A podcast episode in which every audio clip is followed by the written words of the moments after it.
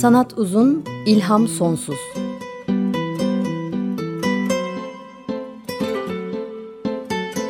Sanat üzerine psikolojik sohbetler. Hazırlayan ve sunanlar Şenol Ayla ve Timuçin Oral.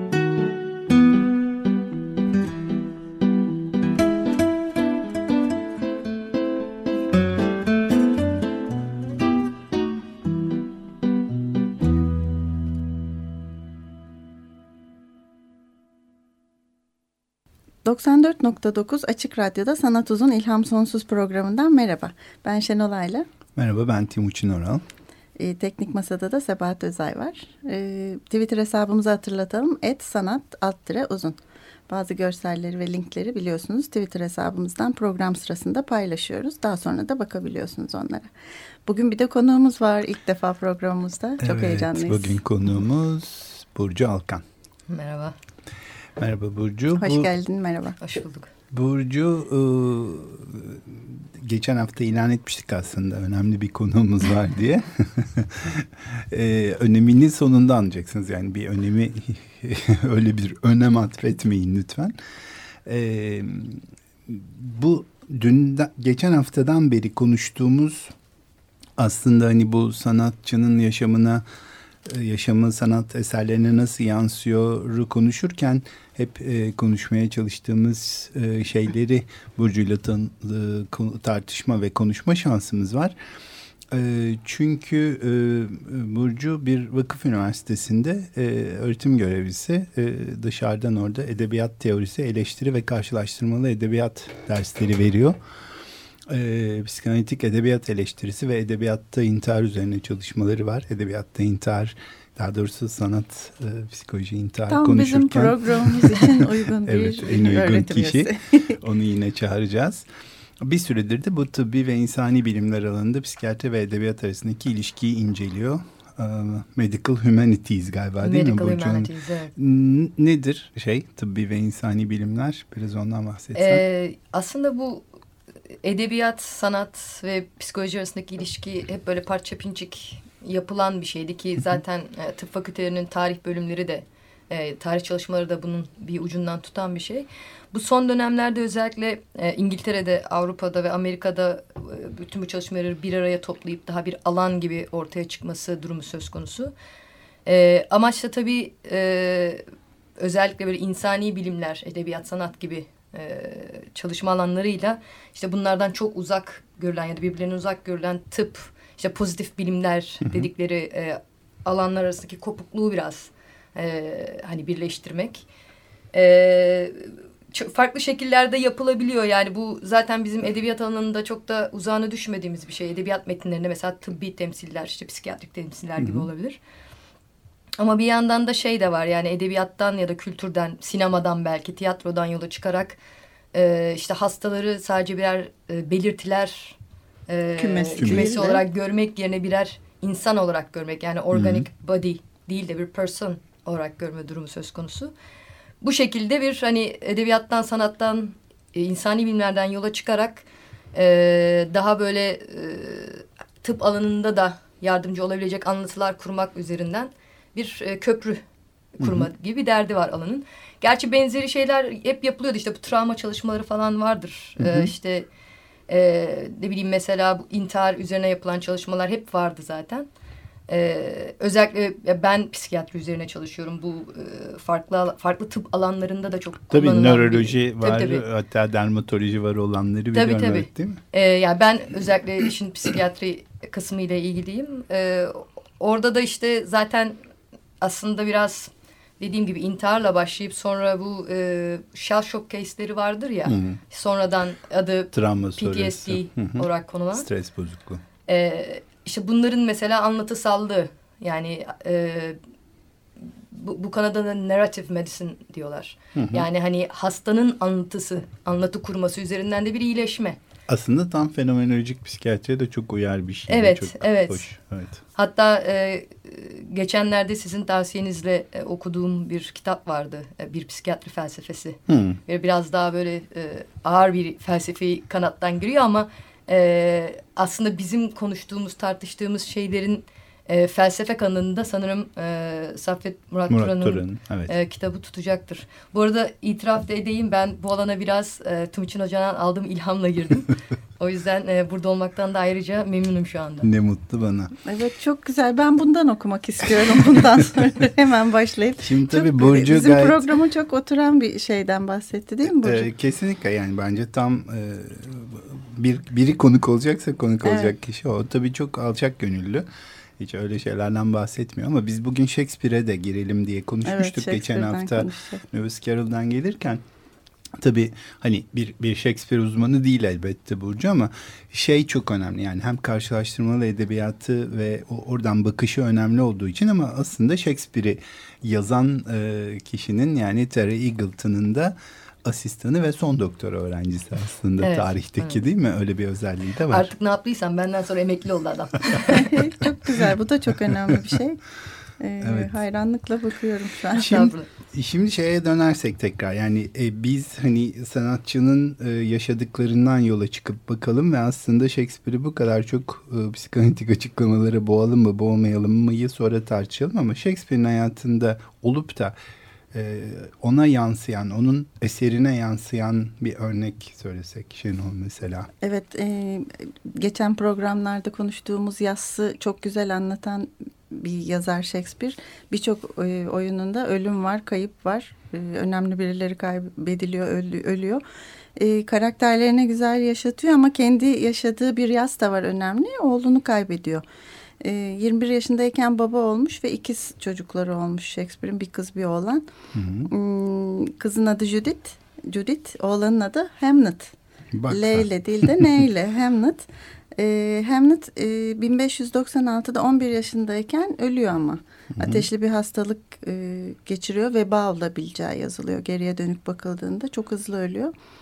Ee, bazı yazarlar da bu olayın yansımalarının ileride yazacağı birçok oyunda görülebildiğini söylüyor. Hamlet bunlardan başta geleni. Romeo Juliet'te, Jules Caesar'da 12. gecede bir sürü oyunda oğul kaybı, evlat acısı e, gibi şeyleri e, ortaya çıkacak deniyor. Mesela en tipiklerinden biri Kral Lear'ın ağzından kızı Cordelia'nın ölümünü an- anladıktan sonra, öldüğünü anladıktan sonra söyledikleri.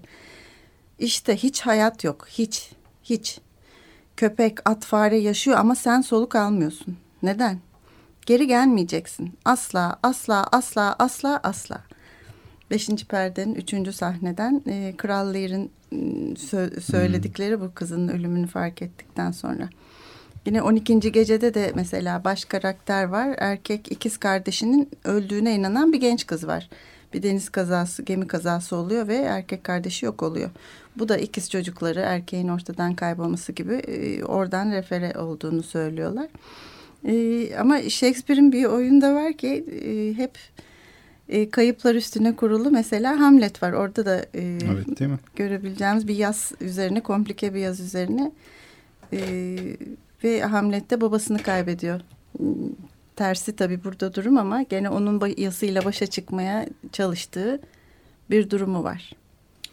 Evet e, yani neredeyse tümüyle komplike yaz üzerine e, kurulu o şey e, eserde. E, ama daha pek çokları tabii var. Şimdi bu noktada biraz Shakespeare havası mı yaşasak? Ha evet önce Shakespeare'den bir şey dinleyelim. Shakespeare'den derken Shakespeare, Shakespeare dönemi müziklerinden bir bir şey şey, dinleyelim. dinleyelim. Tiyatroya gitmiş kadar olalım e, Globes Tiyatro. E, Music in the Time of Shakespeare albümünden e, Fairy Round'ı dinleyeceğiz.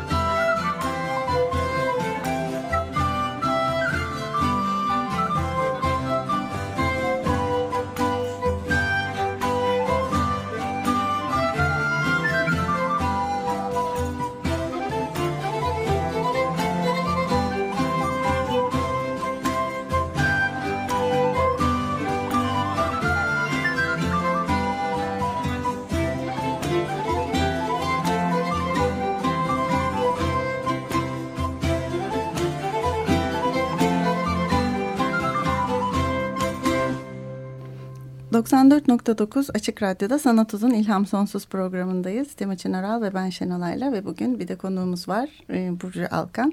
Shakespeare Tiyatrosu'nda bir eser dinlemiş, e, bir müzik dinlemiş gibi olduk ve şimdi Hamlet'e devam edeceğiz aslında evet. değil mi?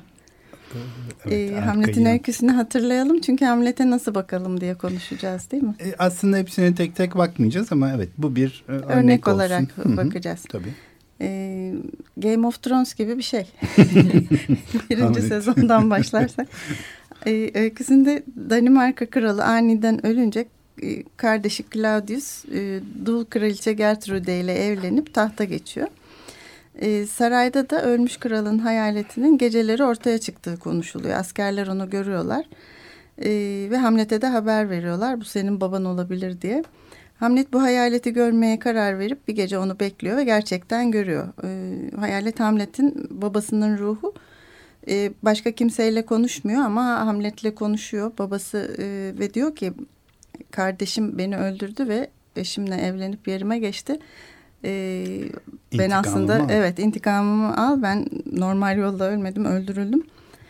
E, ve Hamlet bundan çok etkileniyor. Aklını kaçırmış taklidi yaparak gerçeği öğrenmeye ve hayatın dedikleri de doğruysa babasının intikamını almaya karar veriyor. Çünkü çok da emin değil başta doğru olup olmadığında. E, ve deliymiş gibi davranarak bunun arkasına da sığınarak insanları biraz da dürtmeyi ve doğruyu ortaya çıkarmaya çalışıyor. Bir yandan da melankolik tavırları var ve o nedenle babasının hala yasını tuttuğunu düşündükleri için herkes de biraz endişeli. Annesi başta olmak üzere. E, annesi ve yeni kral e, amcası ona artık bu babasının yasını kesmesini hayata dönmesini bunun hayatın normal akışı olduğunu insanların öldüğünü evet üzülmenin normal olacağını ama bir yerden sonra da hayata dönmek gerektiğini hmm, söylüyorlar. Hatta e, kral amcası diyor ki e, olmasını herkesin olağan saydığı bir şeyi neden yadırgayıp boşuna hayıflanmalı? Olmaz. Tanrı hoş görmez bunu. Ölülere ve yaradana karşı gelmektir bu. Artık dön normal hayata diyor ve Hamlet de dönmüyor tabii. Yas tutan herkese söylenen şeyler bunlar aslında değil mi? Her kültürde hemen hemen. Artık kendine gel devam etmelisin. Hı. Değil mi? Ee, ama bir yandan da uyuyamamakta, kötü düşler e, görmekte sadece delilik numarası yapmıyor yani kendisi de kötü aslında. E, sık sık babasının hayaletini görüyor. O da durumu zorlaştırıyor. E, ve bir yerde de şöyle diyor. E, son zamanlarda bilmem neden bütün sevincimi yitirdim. Her gün yaptıklarımı yapmaz oldum. Gerçekten öyle karardı ki içim, dünya, bu güzelim yapı çorak bir kayalığa döndü gözümde. E, ve kendi içinin kötülüğünü e, anlatıyor uzun uzun. E, ve bir türlü amcasının babasını öldürdüğünden de emin olamıyor. E, sonunda şehre bir oyuncu kumpanyası geldiğinde bir oyun sahneye koyuyor. Kendi yazdığı bir oyun ve oyunda da hmm, babanın kardeş tarafından öldürülmesi canlandırılıyor. Ve oyunu izleyen amcasıyla annesine bakarak onların tepkilerinden suçlu olup olmadıklarını anlamaya çalışıyor. E, oyun boyunca çeşitli yorumlarda bulunuyor Hamlet ve onları e, bayağı kışkırtıyor. Cinayet sahnesi sunulduğunda da Claudius birden ayağa kalkarak odayı terk ediyor. Hamlet bunu amcanın suçlu olduğunun kanıtı olarak görüyor. Ama yine de kendisine türlü bahaneler bulur ve amcası kralı öldürmeye yanaşmaz. Bu arada bir sürü insan da ölüyor. Fakat amca evet. ölmüyor ama.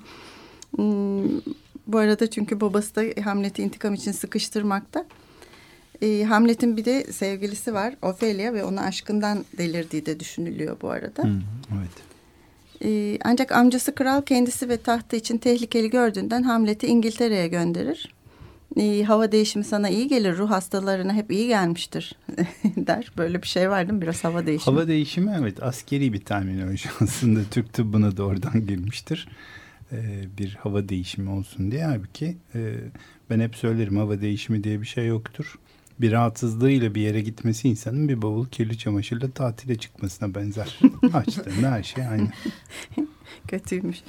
Bazı yanlışlıklarla Hamlet e, Sadık Polonius'u öldürüyor. Kendisine aşık olan Ophelia'nın intiharına yol açıyor. Ophelia'nın abi Leartes Hamlet'i düelloda zehirli kılıçla yaralıyor. Leartes düelloda ölüyor. Kraliçe Gertruda zehirli şarabı içip ölüyor. Hamlet kral amcasını öldürüyor. Hamlet de kılıç yarısından aldığı zehrin etkisiyle ölüyor. Ölen ölene evet. kimse kalmıyor sonra. Hamlet amcayı öldürene herkes ölüyor bu arada. Evet. Şimdi tabii bu işte nasıl bakalım buna Peki biz buna nasıl bakalım? Üstüne çok bakılmış şeylerden biri. Ee, eseri okuyup oradan e, karakter hakkında bir şeyler çıkarmak parça parça çok... inceleyenler olmuş. Neyse Hı. Andrea sen daha önce ondan bahsetmiştik o, o çeşitli biçimlerde. Psikiyatrist e, Evet sanatçıların hayatına bakan ve onlara onlarla ilgili yorumlar getiren de bir e, araştırmacı e, çeşitli sahneleri e, alıp e, öne koyarak işte bu sahnedeki davranışları nedeniyle aslında majör depresif bozukluktu. Şu sahnedeki haline bakınca aslında bu bir bipolar bozukluktu, manik depresif hastalıktı. Aslında şu tavırları yaygın anksiyete bozukluğuna çok uyar. İşte zaten patolojik yası hiç konuşmaya bile gerek yok. Panik bozukluğu, akut stres bozukluğu, disosiyatif bozukluk hatta şizofreniden bile bahsediliyor e, bazı yazarlar da bu benzer analizleri yapıyorlar ve gayet sağlıklı ve aklı başında diyorlar. Şimdi bu tabii deskriptif psikiyatrinin bakışı. Deskriptif psikiyatri meselesine geliriz. Onu asıl konuşmamız daha iyi bence ve önemli. Hani betimleyici psikiyatri. Bugünkü sınıflandırma sistemlerinin temeli olan e, ateorik, agnostik e, bir temele dayanmayan ve sadece tanımlayarak, betimleyerek adını koymayı şimdilik kaydıyla etiyoloji sebep sonuç açıklanıncaya kadar e, böyle adlandıralım diyen bakış açısı bu. Ama tabii psikanalitik bakış açısı ise buna işte ödipal e, çatışmalarıyla e, annesine aşkıyla falan. E, aslında onları, kendisinin babayı öldürüp o annesinin yanına eş bu, olarak bu fanteziyle falan bakıyor. bakıyor. Şimdi tabii biyolojik psikiyatriyle bakamayacağı için yani sebep sonuç ilişkisini beynin e, dopaminerjik ya da serotoninerjik altyapısıyla açıklayamayacağı için e, psikanalitik e, etiyolojiyle açıklamaya çalışıyor. Bu, bu böyle bir bakış var. Bir de tabii bu şu vardı bu vardı çünkü deskriptif durum buydu. Şimdi asıl soru burada Burcu'ya bu. Yani e, bu, bu kadar kolay mı bu? Yani e, bu insanın hayatında tamam yas yaşadı. Oğlunun adı da Hamlet. Hamlet'e de çok benziyor. E, buradan bunu buldu demek bu kadar kolay mı önce? Ve e, yani bir edebiyatçı nasıl bakar mesela sanatçıyla eser arasındaki ilişkiye? Yani benim bildiğim kadarıyla psikanalitik eleştirinin ilk e, dönemlerinde uygulanış şeklinde böyle bir eğilim mevcut. Yani e, yazarın metnine bakarak e, işte yazar hakkında spekülasyonlarda bulunma. E, tabii şimdi e, tabii psikanalitik ekolün de bir sürü farklı versiyonu var bildiğimiz gibi. Benim geldiğim ekolde biz bu tür şeylere biraz e, uzak durmayı tercih ediyoruz. Çünkü e, özellikle e, biraz da materyalist bir altyapısı olduğu için e, kurduğumuz eleştiri kuramının e, argüman daha çok bizim elimizde somut olarak sadece metin vardır. E, ve biz o metin üzerinden evet belki işte psikolojik, psikiyatrik, ekonomik, tarihsel e, diğer bilgi alanlarından yararlanarak bu metni ya da işte karakterlerini vesaireyi değerlendirebiliriz. Ama bunun ötesindeki her şey e, özellikle yazarla doğrudan bağlantılı, bağlantılayabileceğimiz şeyler spekülatiftir. Hı hı. Hani bilemeyiz. E, bu da e, edebiyat eleştirisi bağlamında baktığınız zaman hani sistemli düşünce e, kuralları gereği kabul edilemez. Hı hı. E, o yüzden de hatta biz şeye bile e, dikkat ederiz çoğu zaman. Birçok illa psikiyatrik ya da patolojik bir durum olması gerekmiyor ama işte birçok yazarın hayatıyla metni arasında doğrudan ilişki kurma eğilimi vardır. Hı hı. Hatta genelde mesela edebiyat öğrencileri bunu çok yaparlar.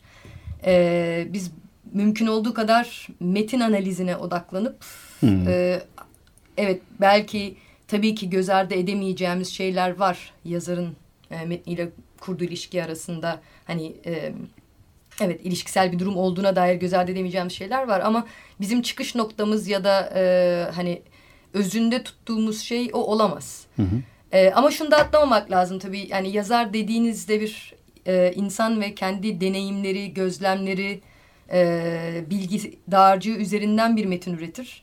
E, atlamamız gereken belki şu olabilir, e, bütün bu e, dağarcık diyelim, e, bilinçli olarak ya da e, bilinç e, dışında bir süz, süzülme sürecinden geçer. Ve ortada atlanmaması gereken bir yaratıcı süreç vardır. Orada kurgusal bir gerçeklik vardır.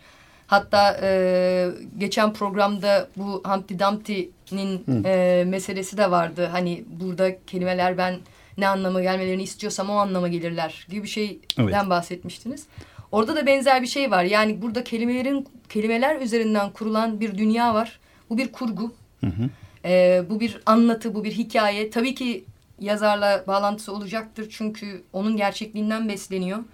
Ama metin hiçbir zaman e, özellikle de bu tarz böyle patolojik inceleme falan filan için e, bir bence kriter olamaz. Olduğu noktada da bence bilimsel olamaz. Hı hı. Bir de tabii şu da var. E, bir edebiyat eleştirme için bu da benim bakış açım.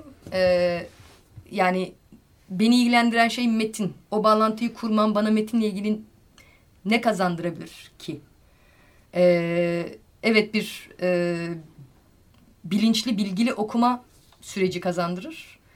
E, ama sonuçta ortada materyal üretilmiş bir ürün var. Hı hı. E, ve öncelikli olan da odur aslında. Yani hani yazarın e, hatta şöyle diyelim yazarın ne yapmaya çalıştığını bulmaya çalışmak bile spekülasyondur. Yani çünkü çoğu zaman e, yazma süreci bilinçli gayet üzerine düşünmüş bir süreç olsa da e, hani birçok yazara sorduğun zaman bunu yazarken ne düşündünüz? Kendileri de şey diyeceklerdir. Valla bilmiyorum. Hani, Değil mi? Öylece öyle geldi. Öyle geldi gibi. Yani hani evet bir bilinçli üretim süreci var ama bütün sürecin de bu kadar e, bilinçli olduğundan e, ve bu işte e, hani yaratıcı süreçleri ve o bu süzülmüş deneyimler deneyimleri hiçe sayarak yorumlamak bilemiyorum Doğru yani olmaz. hani bizim önceliğimiz edebiyatçı olarak en azından metin öyle söyleyebilirim Doğru. sanırım. Burada tabii psikanalizin e, bu, bu metinlere bakarken ki değerlendirmesinde sadece şu mümkün. Hani onu Shakespeare'in hayatıyla bağlantılandırarak bir iddiada bulunmak senin de dediğin gibi neredeyse imkansız bir şey. Neredeyse değil tamamen imkansız bir şey. Tamamen o çıkarsamaya dayanıyor. Ama oradaki aile yapısını, ilişkileri vesaire inceleyerek aslında hani bir psikanalitik açıklama bulmak tıpkı bir vaka incelermiş gibi yani Hamlet'i. E tabii yani anlam ha. dünyasını besleyen bir şey olarak ekstra bir bilgi olarak değerlendirilebilir tabii ki yani. Evet. Hatta e, sizin gönderdiğiniz makalede de benzer bir şey vardı. Bence e, evet bir karakterin gösterdiği patolojik semptomları incelemek ilginç olabilir. Çünkü orada sizin dediğiniz gibi betimleyici bir şey var ve evet belki de bizim o karakterin farklı açılarını görmemiz açısından e, bize yardımcı olabilir. E, ama hani bu işte Shakespeare'in böyle olduğu hı hı. ya da işte hatta Freud için de yaparlar şey. Freud'un kendi yazdıkları tabii, Freud, tabii. Freud böyleydi diye demek için yetersizdir. Ama tabii ki hani evet biz edebiyatçılar biraz bu konularda hırsız oluyoruz. İşte sosyoloji olur, psikiyatri olur, ekonomi olur, tarih olur. Yani nerede bilgi varsa biz onu mutlaka okumalarımıza e, yedirmeyi tercih ederiz. Tabii ki. Bu hırsızlık e, ve işte telif hakları gibi şeylere de biraz sonra gene gelelim. Gelelim ama Güzel önce bir, yerde. bir müzik önce arası bir müzik versek. dinleyelim. E, şimdi gene e, çok uzak bir dönemden değil Shakespeare'e yakın bir dönemden Henry Purcell'ın The Fairy Queen ki bu da bir yaz gecesi rüyasının aslında e, müziklendirilmiş hali. Den e, If Love's a Sweet Passion'ı dinliyoruz.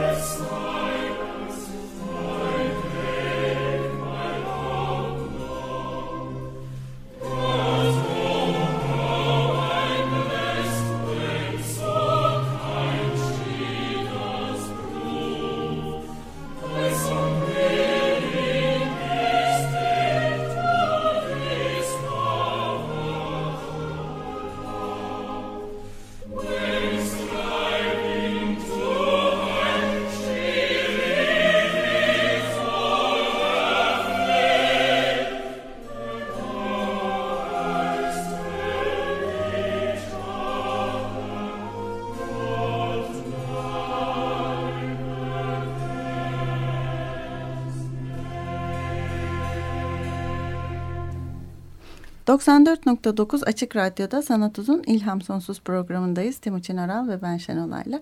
Bugün konuğumuz da var Burcu Alkan. Ee, Henry Purcell'ın The Fairy Queen'inden If Love's a Sweet Passion'ı dinledik. Veronique Jans soprano e, seslendirdi. William Christie yönetimindeki Les Artes Florizan topluluğundan dinledik. Ee, evet demin e, hırsızlık, telif dediğim şunu getirmişti aslında aklıma. Şey, bunların hepsini Shakespeare yazmadı. Shakespeare aslında 17 kişiydi falan gibi şeyler var ya. bir sürü insan yazdı onlar bunlar. Bunları da e, böyle tez olarak ortaya koyabiliyorlar. Sen buna ne diyorsun Burcu? Ee, yani genelde bu tür tartışmalar çok e, popüler edebiyat e, camiası içerisinde dikkat Magazin çeker. Magazin kısmı e, değil mi? Evet me merak edilen şeylerdir. İşte Shakespeare bir kişi miydi? İşte e, bütün metinleri o mu yazdı? Kimden e, nasıl çaldı falan. E, şöyle aslında tabii daha önce de e, Timuçin Hoca'nın da söylediği gibi ben Shakespeare uzmanı değilim. Ama burada çok e, basit bir dönemsel bir şeyle karşı karşıyayız. Shakespeare'in döneminde zaten öyle bir e, özgün metin, metne sahip olma ya da metnin yazarlığı gibi bir durum e, telif hakkı gibi bir şey. Telif, telif hakkı gibi bir şey yok. Bu çok modern bir icat. E, özellikle şeyi de atlamamak lazım. Shakespeare'in metinleri e, kendisi ürettiği haliyle yazılı metinler değil zaten. Bunlar tiyatro metinleri. Hmm. Yani e, folyolar halinde yazılıp işte... Oyuncuların eline veriliyor tabii, değil mi? Ya oyuncuların eline veriyor ya da işte bir şekilde bir e, tiyatronun işte arşivinde saklanıyor falan. E, yani ortada bir kitap yok. E, bu yüzden de hani sonradan üretilen, sonradan baskıya giren şeylerden bahsediyoruz. O arada işte e, bir de manuskript kavramından bahsetmemiz gerekiyor. Yani bunlar elle yazılan şeyler. E, üretilirken e, Shakespeare kendisi de muhtemelen tekrar tekrar değiştirdiği şeyler oluyordur diye tahmin hmm. ediyorum.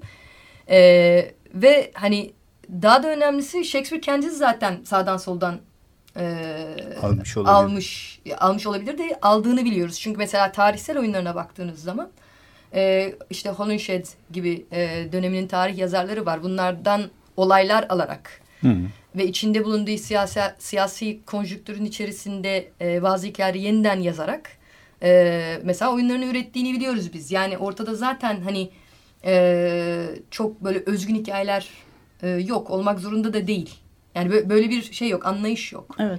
E, ve şeyden de çok etkilendiğini de biliyoruz mesela. işte e, yazdığı oyunların tabii ki şunu da atlamamak lazım yine e, dönemin tiyatrosu bağlamında. E, Globe Theatre dediğimiz yer e, kraliçenin patronajında olan bir kurum. Yani bayağı böyle paydaşları falan olan türevde bir şirketten bahsediyoruz ve e, en muazzam gelir de kraliyet. Doğal hmm. olarak da e, işte aldığı mesela bu tarihsel hikayeleri ya da işte heyecanlı hikayeleri ya da işte e, aşk hikayelerini falan e, işte bu saray divanının hoşuna gideceği şekilde yeniden üretmek. Hmm. Zaten burada önemli olan o yeniden üretimin iyi olup olmadığı. Shakespeare bu yüzden çok önemli bir isim. Çünkü e, evet çok özgün hikayeler anlattığını iddia edemiyoruz. E, çünkü öyle bir konsept yok ama e, o hikayeleri çok iyi anlattığını, çok iyi bir şair olduğunu biliyoruz. Çok iyi bir gözlemci olduğunu biliyoruz. E, Timuçin Hocam'ın da bahsettiği gibi. E, ve onun o hani e, kalemle becerileri Shakespeare özel yapıyor. Hikayelerin özgünlüğü değil aslında. Evet onu aramıyoruz zaten. Zaten Tabii. Andreas'in hoş bir şeyi var, e, sözü var o makalesinde diyor ki e, pek çok Elizabethan dönemi için e, bu, bu oyunlar için bu e, tiyatroya bir e, e seyahat aslında bir film seyretmekti. Televizyon e, belgeseli gibiydi. Broadway müzikali gibiydi. Hatta bir e, Luna Park'a gitmek ya da e, hayvanat bahçesi bahçesine galiba, evet. değil mi? Evet. evet yani güzel demiş. E, böyle bir şey. Zaten de mesela Hamlet Danimarka'da geçiyor. Shakespeare Danimarka'ya gitmiş midir hiç zannetmiyorum değil mi? Yani bir yerden aldı ve bunları... Evet Danimarka'dan. E, bir de o yüzden de farkındaysanız oyun, e, Shakespeare oyunlarında hep oyun içinde oyunlar vardır. Hı. Mesela e, Bir Yaz Gecesi Rüyası da da oyun içerisinde evet. hatta oyun içinde oyun içinde oyun vardır. Yani o böyle Hı. o işte hayvanat bahçesi, Luna evet, Park falan dedik mi? ya. Hı. Yani e, şey kraliçenin kafasının eşek kafasına dönmesi pardon e, kraliçenin aşık olduğu adamın kafasının oldum. eşek kafasına dönmesi falan. Evet gerçekten bir e, festival havası mutlaka sezilir metinlerinde. E, kurgusallığını da kendi kendine vurgular aynı zamanda oyun içinde oyunlarla. Yani bu bir oyun. Onun içinde de bir oyun daha var. Zaten bu sahnede aslında bir kurgu. Kurgu gibi evet. Bu bahsettiğin e, e, makalede Nancy Andreasen'in daha önce bahsettiğimiz psikiyatrist Nancy Andreasen'in e, bir bilim adamı olarak sanatçı psikiyatrik tanı, Shakespeare trajedilerinde psikiyatrik tanı ben, adlı makalesi. E, daha tıp fakültesine girmeden önce e, 1970'lerin e, sonlarına doğru işte Science Digest diye bir dergi çıkardı. Bilmiyorum hala çıkıyor mu? Science Digest'ta e, Doktor Shakespeare'in e, vaka e, çalışmaları Case Stories diye bir makale okumuştum. O bu bunu alıntılayarak e, yazmışlardı onu da. Zaten şey e, Eagleton'da hep şey der. E, Shakespeare Marx'tan önce Marksizmi Freud'dan önce psikanalizi biliyordu gibi bir şeyi vardır. Yani öyle bir gözlem yeteneğinden bahsediyoruz. Bu, bu çok önemli işte. Asıl bu çünkü e, ilginç olan şey şu mesela bu medical humanities edasında birazcık e, giden bir şey. E, ilginç bir şey var, e, tesadüf var. Hmm, Cervantes'le olanı Cervantes e, ilk e, romancı, ilk büyük romancı diyeyim. Cervantes'le e, Shakespeare aynı gün ölmüşler. 23 Nisan 1616'da. Bu arada tam 400 yıl, yok kaç? 1616 evet tam 400 yıl önce. Evet. E, e, ve onların ölümünden bir hafta sonra filan William Harvey e, İngiltere'de şeyi anlatıyor. Kan dolaşımını bulduğunu anlatıyor ve işte kan dolaşımının e, nasıl bir şey olduğunu, bunun kapalı bir sistem olduğunu falan. Yani daha önce kan dolaşımı ve bunun kalpten geçerek olduğu e, bilinmediği gibi kalbin e, duygularla ilgili bir şey olduğu falan zannediliyor. E, dolayısıyla aslında e, tıp ya da bununla ilgili her şey tamamen işte cadılar, büyücüler, doğaüstü güçler, e, cinler, periler üzerine Özellikle kurulu. delilik e, Kavramı daha da bununla Orada ilgili. bir evet metafizik bir yerden Evet. e, inceleniyor. E, Andresen o makalesinde şeyden de bahsetmiş. Yani Shakespeare işte gidip aslında bir e, akıl hastanesinde bir enstitüde bu, bunları gözledi, gördü falan gibi. Halbuki e, o kadar da çok e, tırnak içinde deli anlatılmıyor Shakespeare eserlerinde. Var birkaç tane ama e, doğal durumu da çok iyi gözlemiş. Yani insanların heyecanlarını, hırslarını, ilişkilerini, anne baba ilişkilerini işte bu ödipal meseleleri hakikaten tam da senin dediğin gibi Freud'dan önce e, neredeyse e, strüktürel kurama yani bu bilinç dışı e, meselesine bir ego süperegoya bile gönderme yapabilecek kadar bu konuda bir donanım sahibi. E, bu, bu ancak çok çok iyi bir gözlemle mümkün. Şimdi buradan yola çıkarak diyorlar ki işte vay canına Shakespeare nasıl bildi bunların hepsini? Aslında bir şey bilmiyor. Gördüklerini şahane bir şekilde resmediyor. Hı hı. Çok iyi bir e, descriptive şey, betimleyici bir e, bakış açısı. Öyle bakıp da e, durumu anlatınca zaten onu bugünkü e, sınıflandırmada yerine koyduğunuzda aa işte burada majör depresyonu anlatıyor. Aa burada Otello'nun paranoyasını ne güzel anlatmışa kadar hı hı. E, gidiveriyoruz.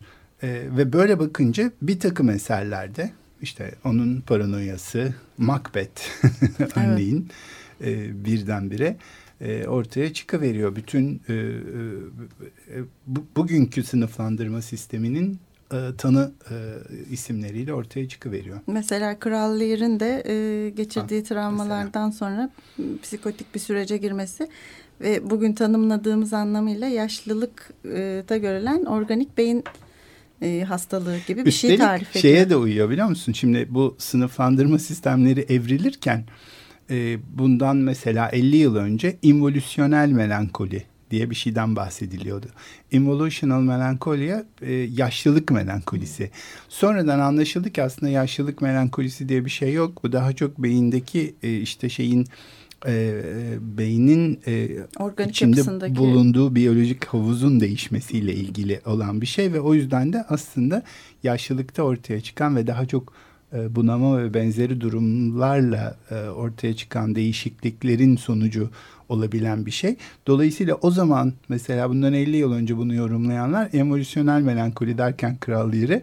Bugün yorumlayanlar ne dedin sen demin çok güzel Yaşlılığa söyledin. bağlı organik beyin hastalığı. Şimdi organik beyin hastalığı sözü de terk edildi mesela. Yaşlılığa bağlı minimal e, bilişsel işlev bozukluğu artı depresyon diyorlar. Yani kral yeri hep aynı.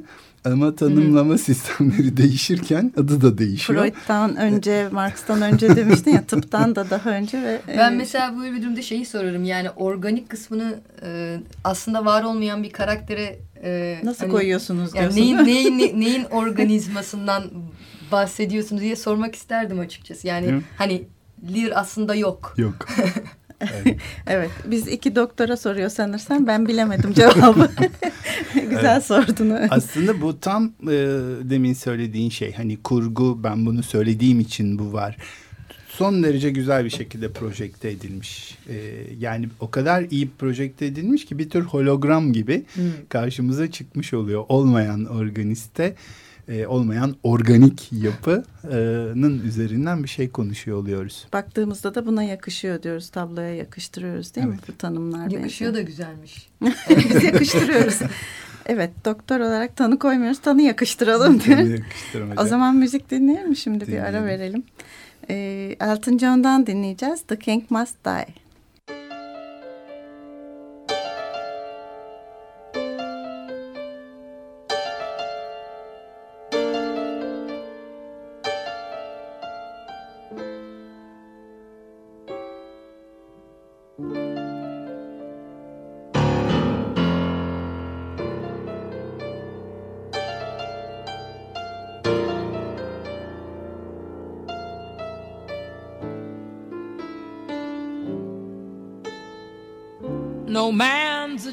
Jester playing Shakespeare round your throne room floor while the juggler's act is danced upon the crown that you once wore.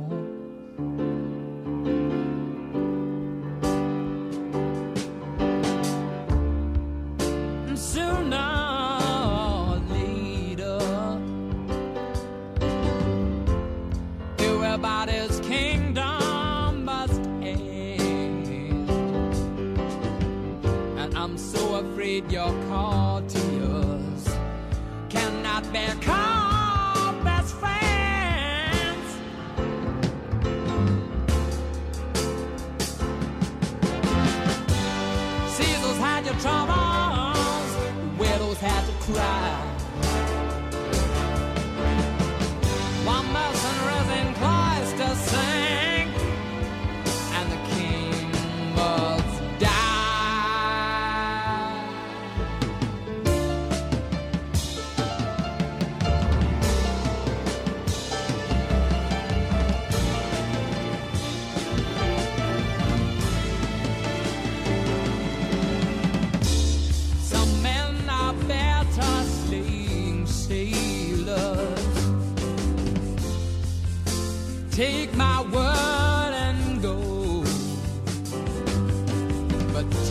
Ostler that his name was the very first they chose.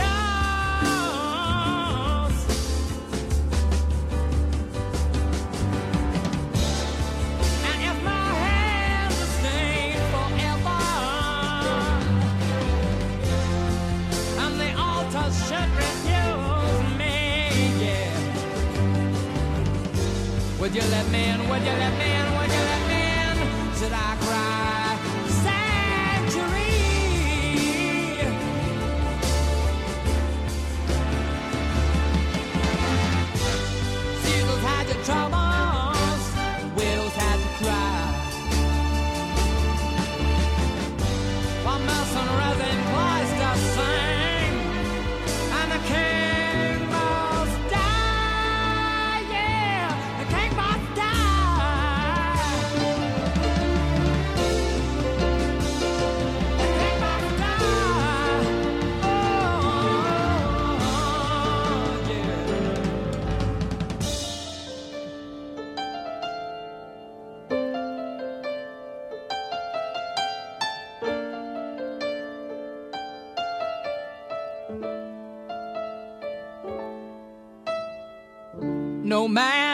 Jester playing Shakespeare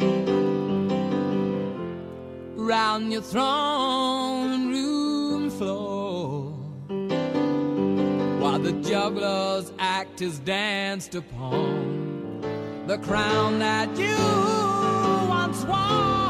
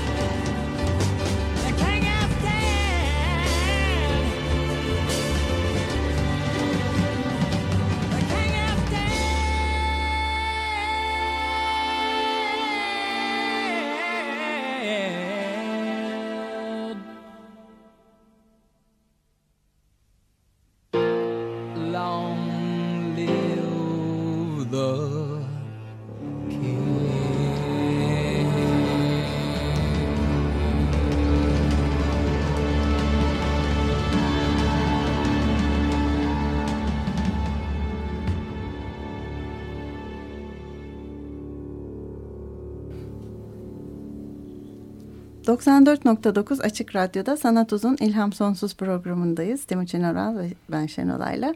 Ee, konuğumuz Burcu Alkan'la beraber e, Shakespeare'i konuşuyoruz, edebiyat konuşuyoruz. Evet. Ee, ve e, tıbbi, e, beşeri bilimleri konuşuyoruz. Evet tam e, kapı bir şeyden müzik arasından önce e, şeyden bahsediyorduk hani birçok bir eserinde var. Mesela Lady Macbeth e, işte kocasını azmettiriyor kralı öldürmeye sonra işte bir, ardından böyle e, kompulsif bir biçimde el yıkamaya başlıyor. E, Arabistan'ın bütün kokuları engel olamazdı onun elindeki işte kan kanı çıkarmaya. çıkarmayan falan diye giden. İşte bunu suçluluk duygusuna bağlıyorlar. Kendini öldüreceğinden şüpheleniyorlar. İşte deliliğe geliyor konu zaman zaman. Bu delilik meselesinin edebiyatta işlenişi de tabii önemli. Tabii. Değil mi? E mesela hani Shakespeare eserlerine baksak ne diyorsun sen? Yani e, zaten hem Shakespeare'in döneminde hem sonrasında deli karakterlere çok sık rastlıyoruz. Ama e, hani yine bir edebiyatçı olarak e, özellikle bu tıbbi insani bilimler hikayesine girmemiş olsaydım ben e, olaya patolojik olarak yaklaşmıyor olacaktım. Şimdi o da ilgimi çekiyor ama şöyle bir gerçek var. Delilik güzel bir edebi araçtır. Hı hı. E, sınırları zorlayabildiğiniz, sistemi ters yüz edebildiğiniz, e, işte değer yargılarını tehdit edebildiğiniz. Yani zaten mesela şey de vardır. Bu Shakespeare'in full karakterleri vardır. Hmm. E, soytarı, yarı hmm. deli, yarı işte Birçoğunda e, akıllı. Var, tabii tabii. Yani böyle bir zaten e, şey var. E, yani kavramsal bir araç olarak kullan, kullanılma durumu söz konusu. Yani normalde işte dedik ya e, sarayla çok bağlantılı Shakespeare'in tiyatrosu. Şimdi açık açık söyleyemeyeceğiz birçok şeyi tabii ki soytarı e, karakterleriyle hmm. ya da işte delirmiş karakterlerle e, söyleyebilir hale geliyorsunuz. Ya bunun da gayet böyle e, konforlu bir e, edebi araç olduğunu inkar edemeyiz. Değil mi? Yani hele ki mesela Hamlet'ten bahsettiniz. Yani Hamlet'te e, hem işte metnin içerisinde böyle bir delilik konsepti kullanılıyor. Hem Hamlet'in kendisi bir de bunu kullanıyor.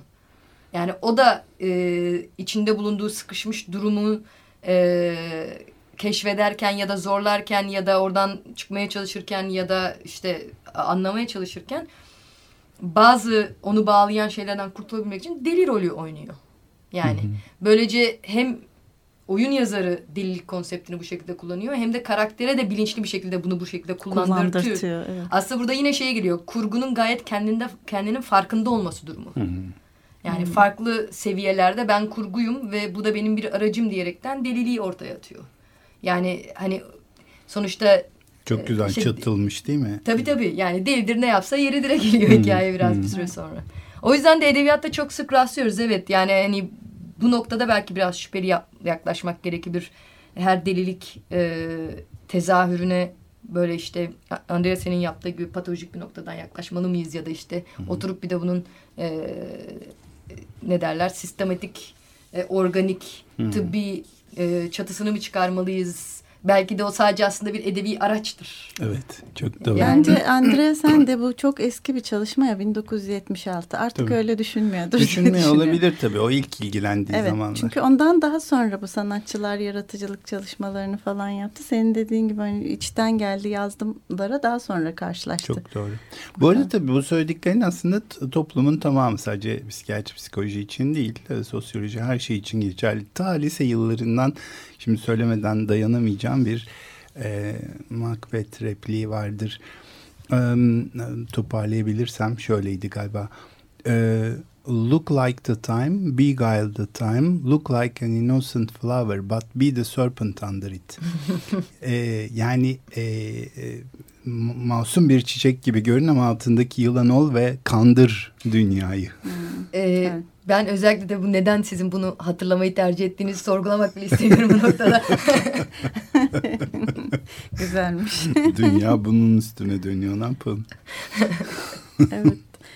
Programımızın sonuna geliyoruz sonuna yavaş geldik. yavaş. Evet. E, Çabuk bitti bugün. Bugün evet Burcu evet çok güzel e, oldu. Teşekkür olsun. ederiz. Ben evet. teşekkür ederim davet ettiğiniz için. Umuyorum tekrar. E, Seni yine çağıracağız. Evet. Yani bu e, intiharı da konuşacağız. Belki hatta Virginia Woolf'u da birlikte konuşuruz. E, bakarsın.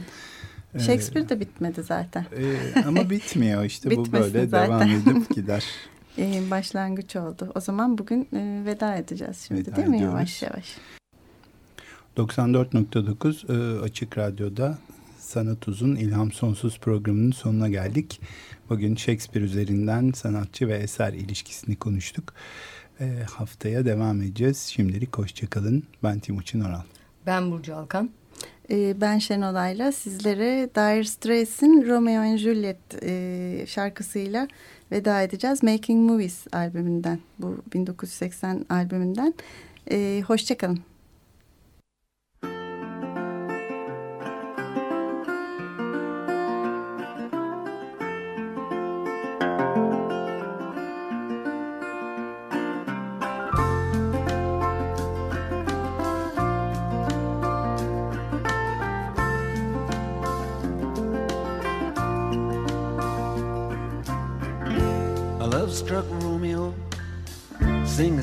A serenade, laying everybody low with a love song that he made. Find the streetlight, steps out of the shade, says something like, "You and me, babe, how about it?" Juliet says, "Hey, it's Romeo. You nearly give me a heart attack." He's underneath the window, she's singing lie, my boyfriend's back. You shouldn't come around here singing up at people like that. Anyway, what you gonna do about it? Juliet, the dice was loaded from the start, and I bet, and you exploded into my heart, and I forget, I forget the movie song. When you're gonna realize it was just the time was wrong, Juliet.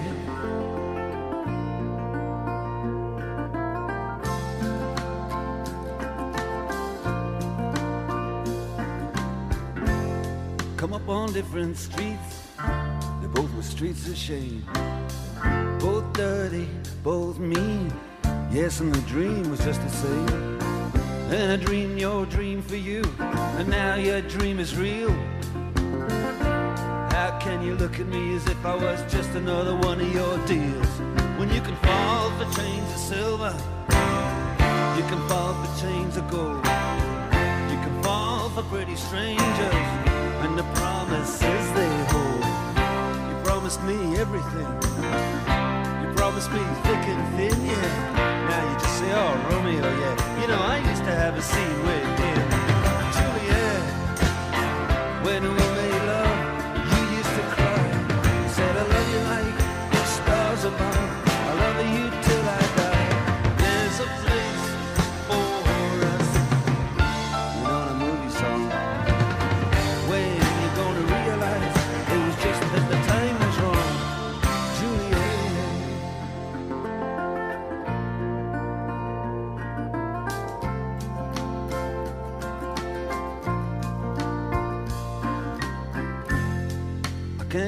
talk like the talk on the TV. And I can't do a love song like the way it's meant to be. I can't do everything, but I'll do anything for you. Can't do anything except be in love with you. And all I do is miss you and the way we used to be. All I do is keep the beat, company. And all I do is kiss you through the bars of a rhyme. Julie, I do the stars with you anytime.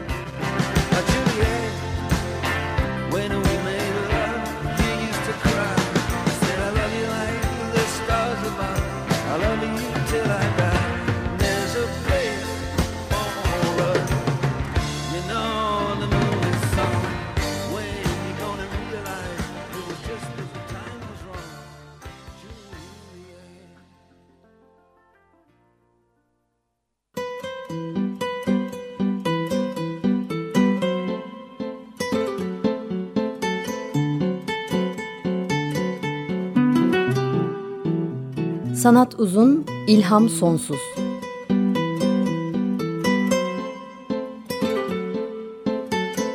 Sanat üzerine psikolojik sohbetler.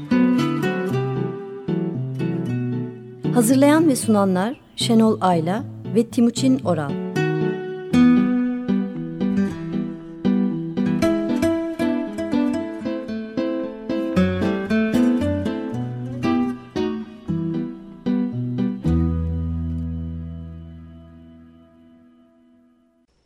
Açık Radyo program destekçisi olun. Bir veya daha fazla programa destek olmak için 212 alan koduyla 343 41 41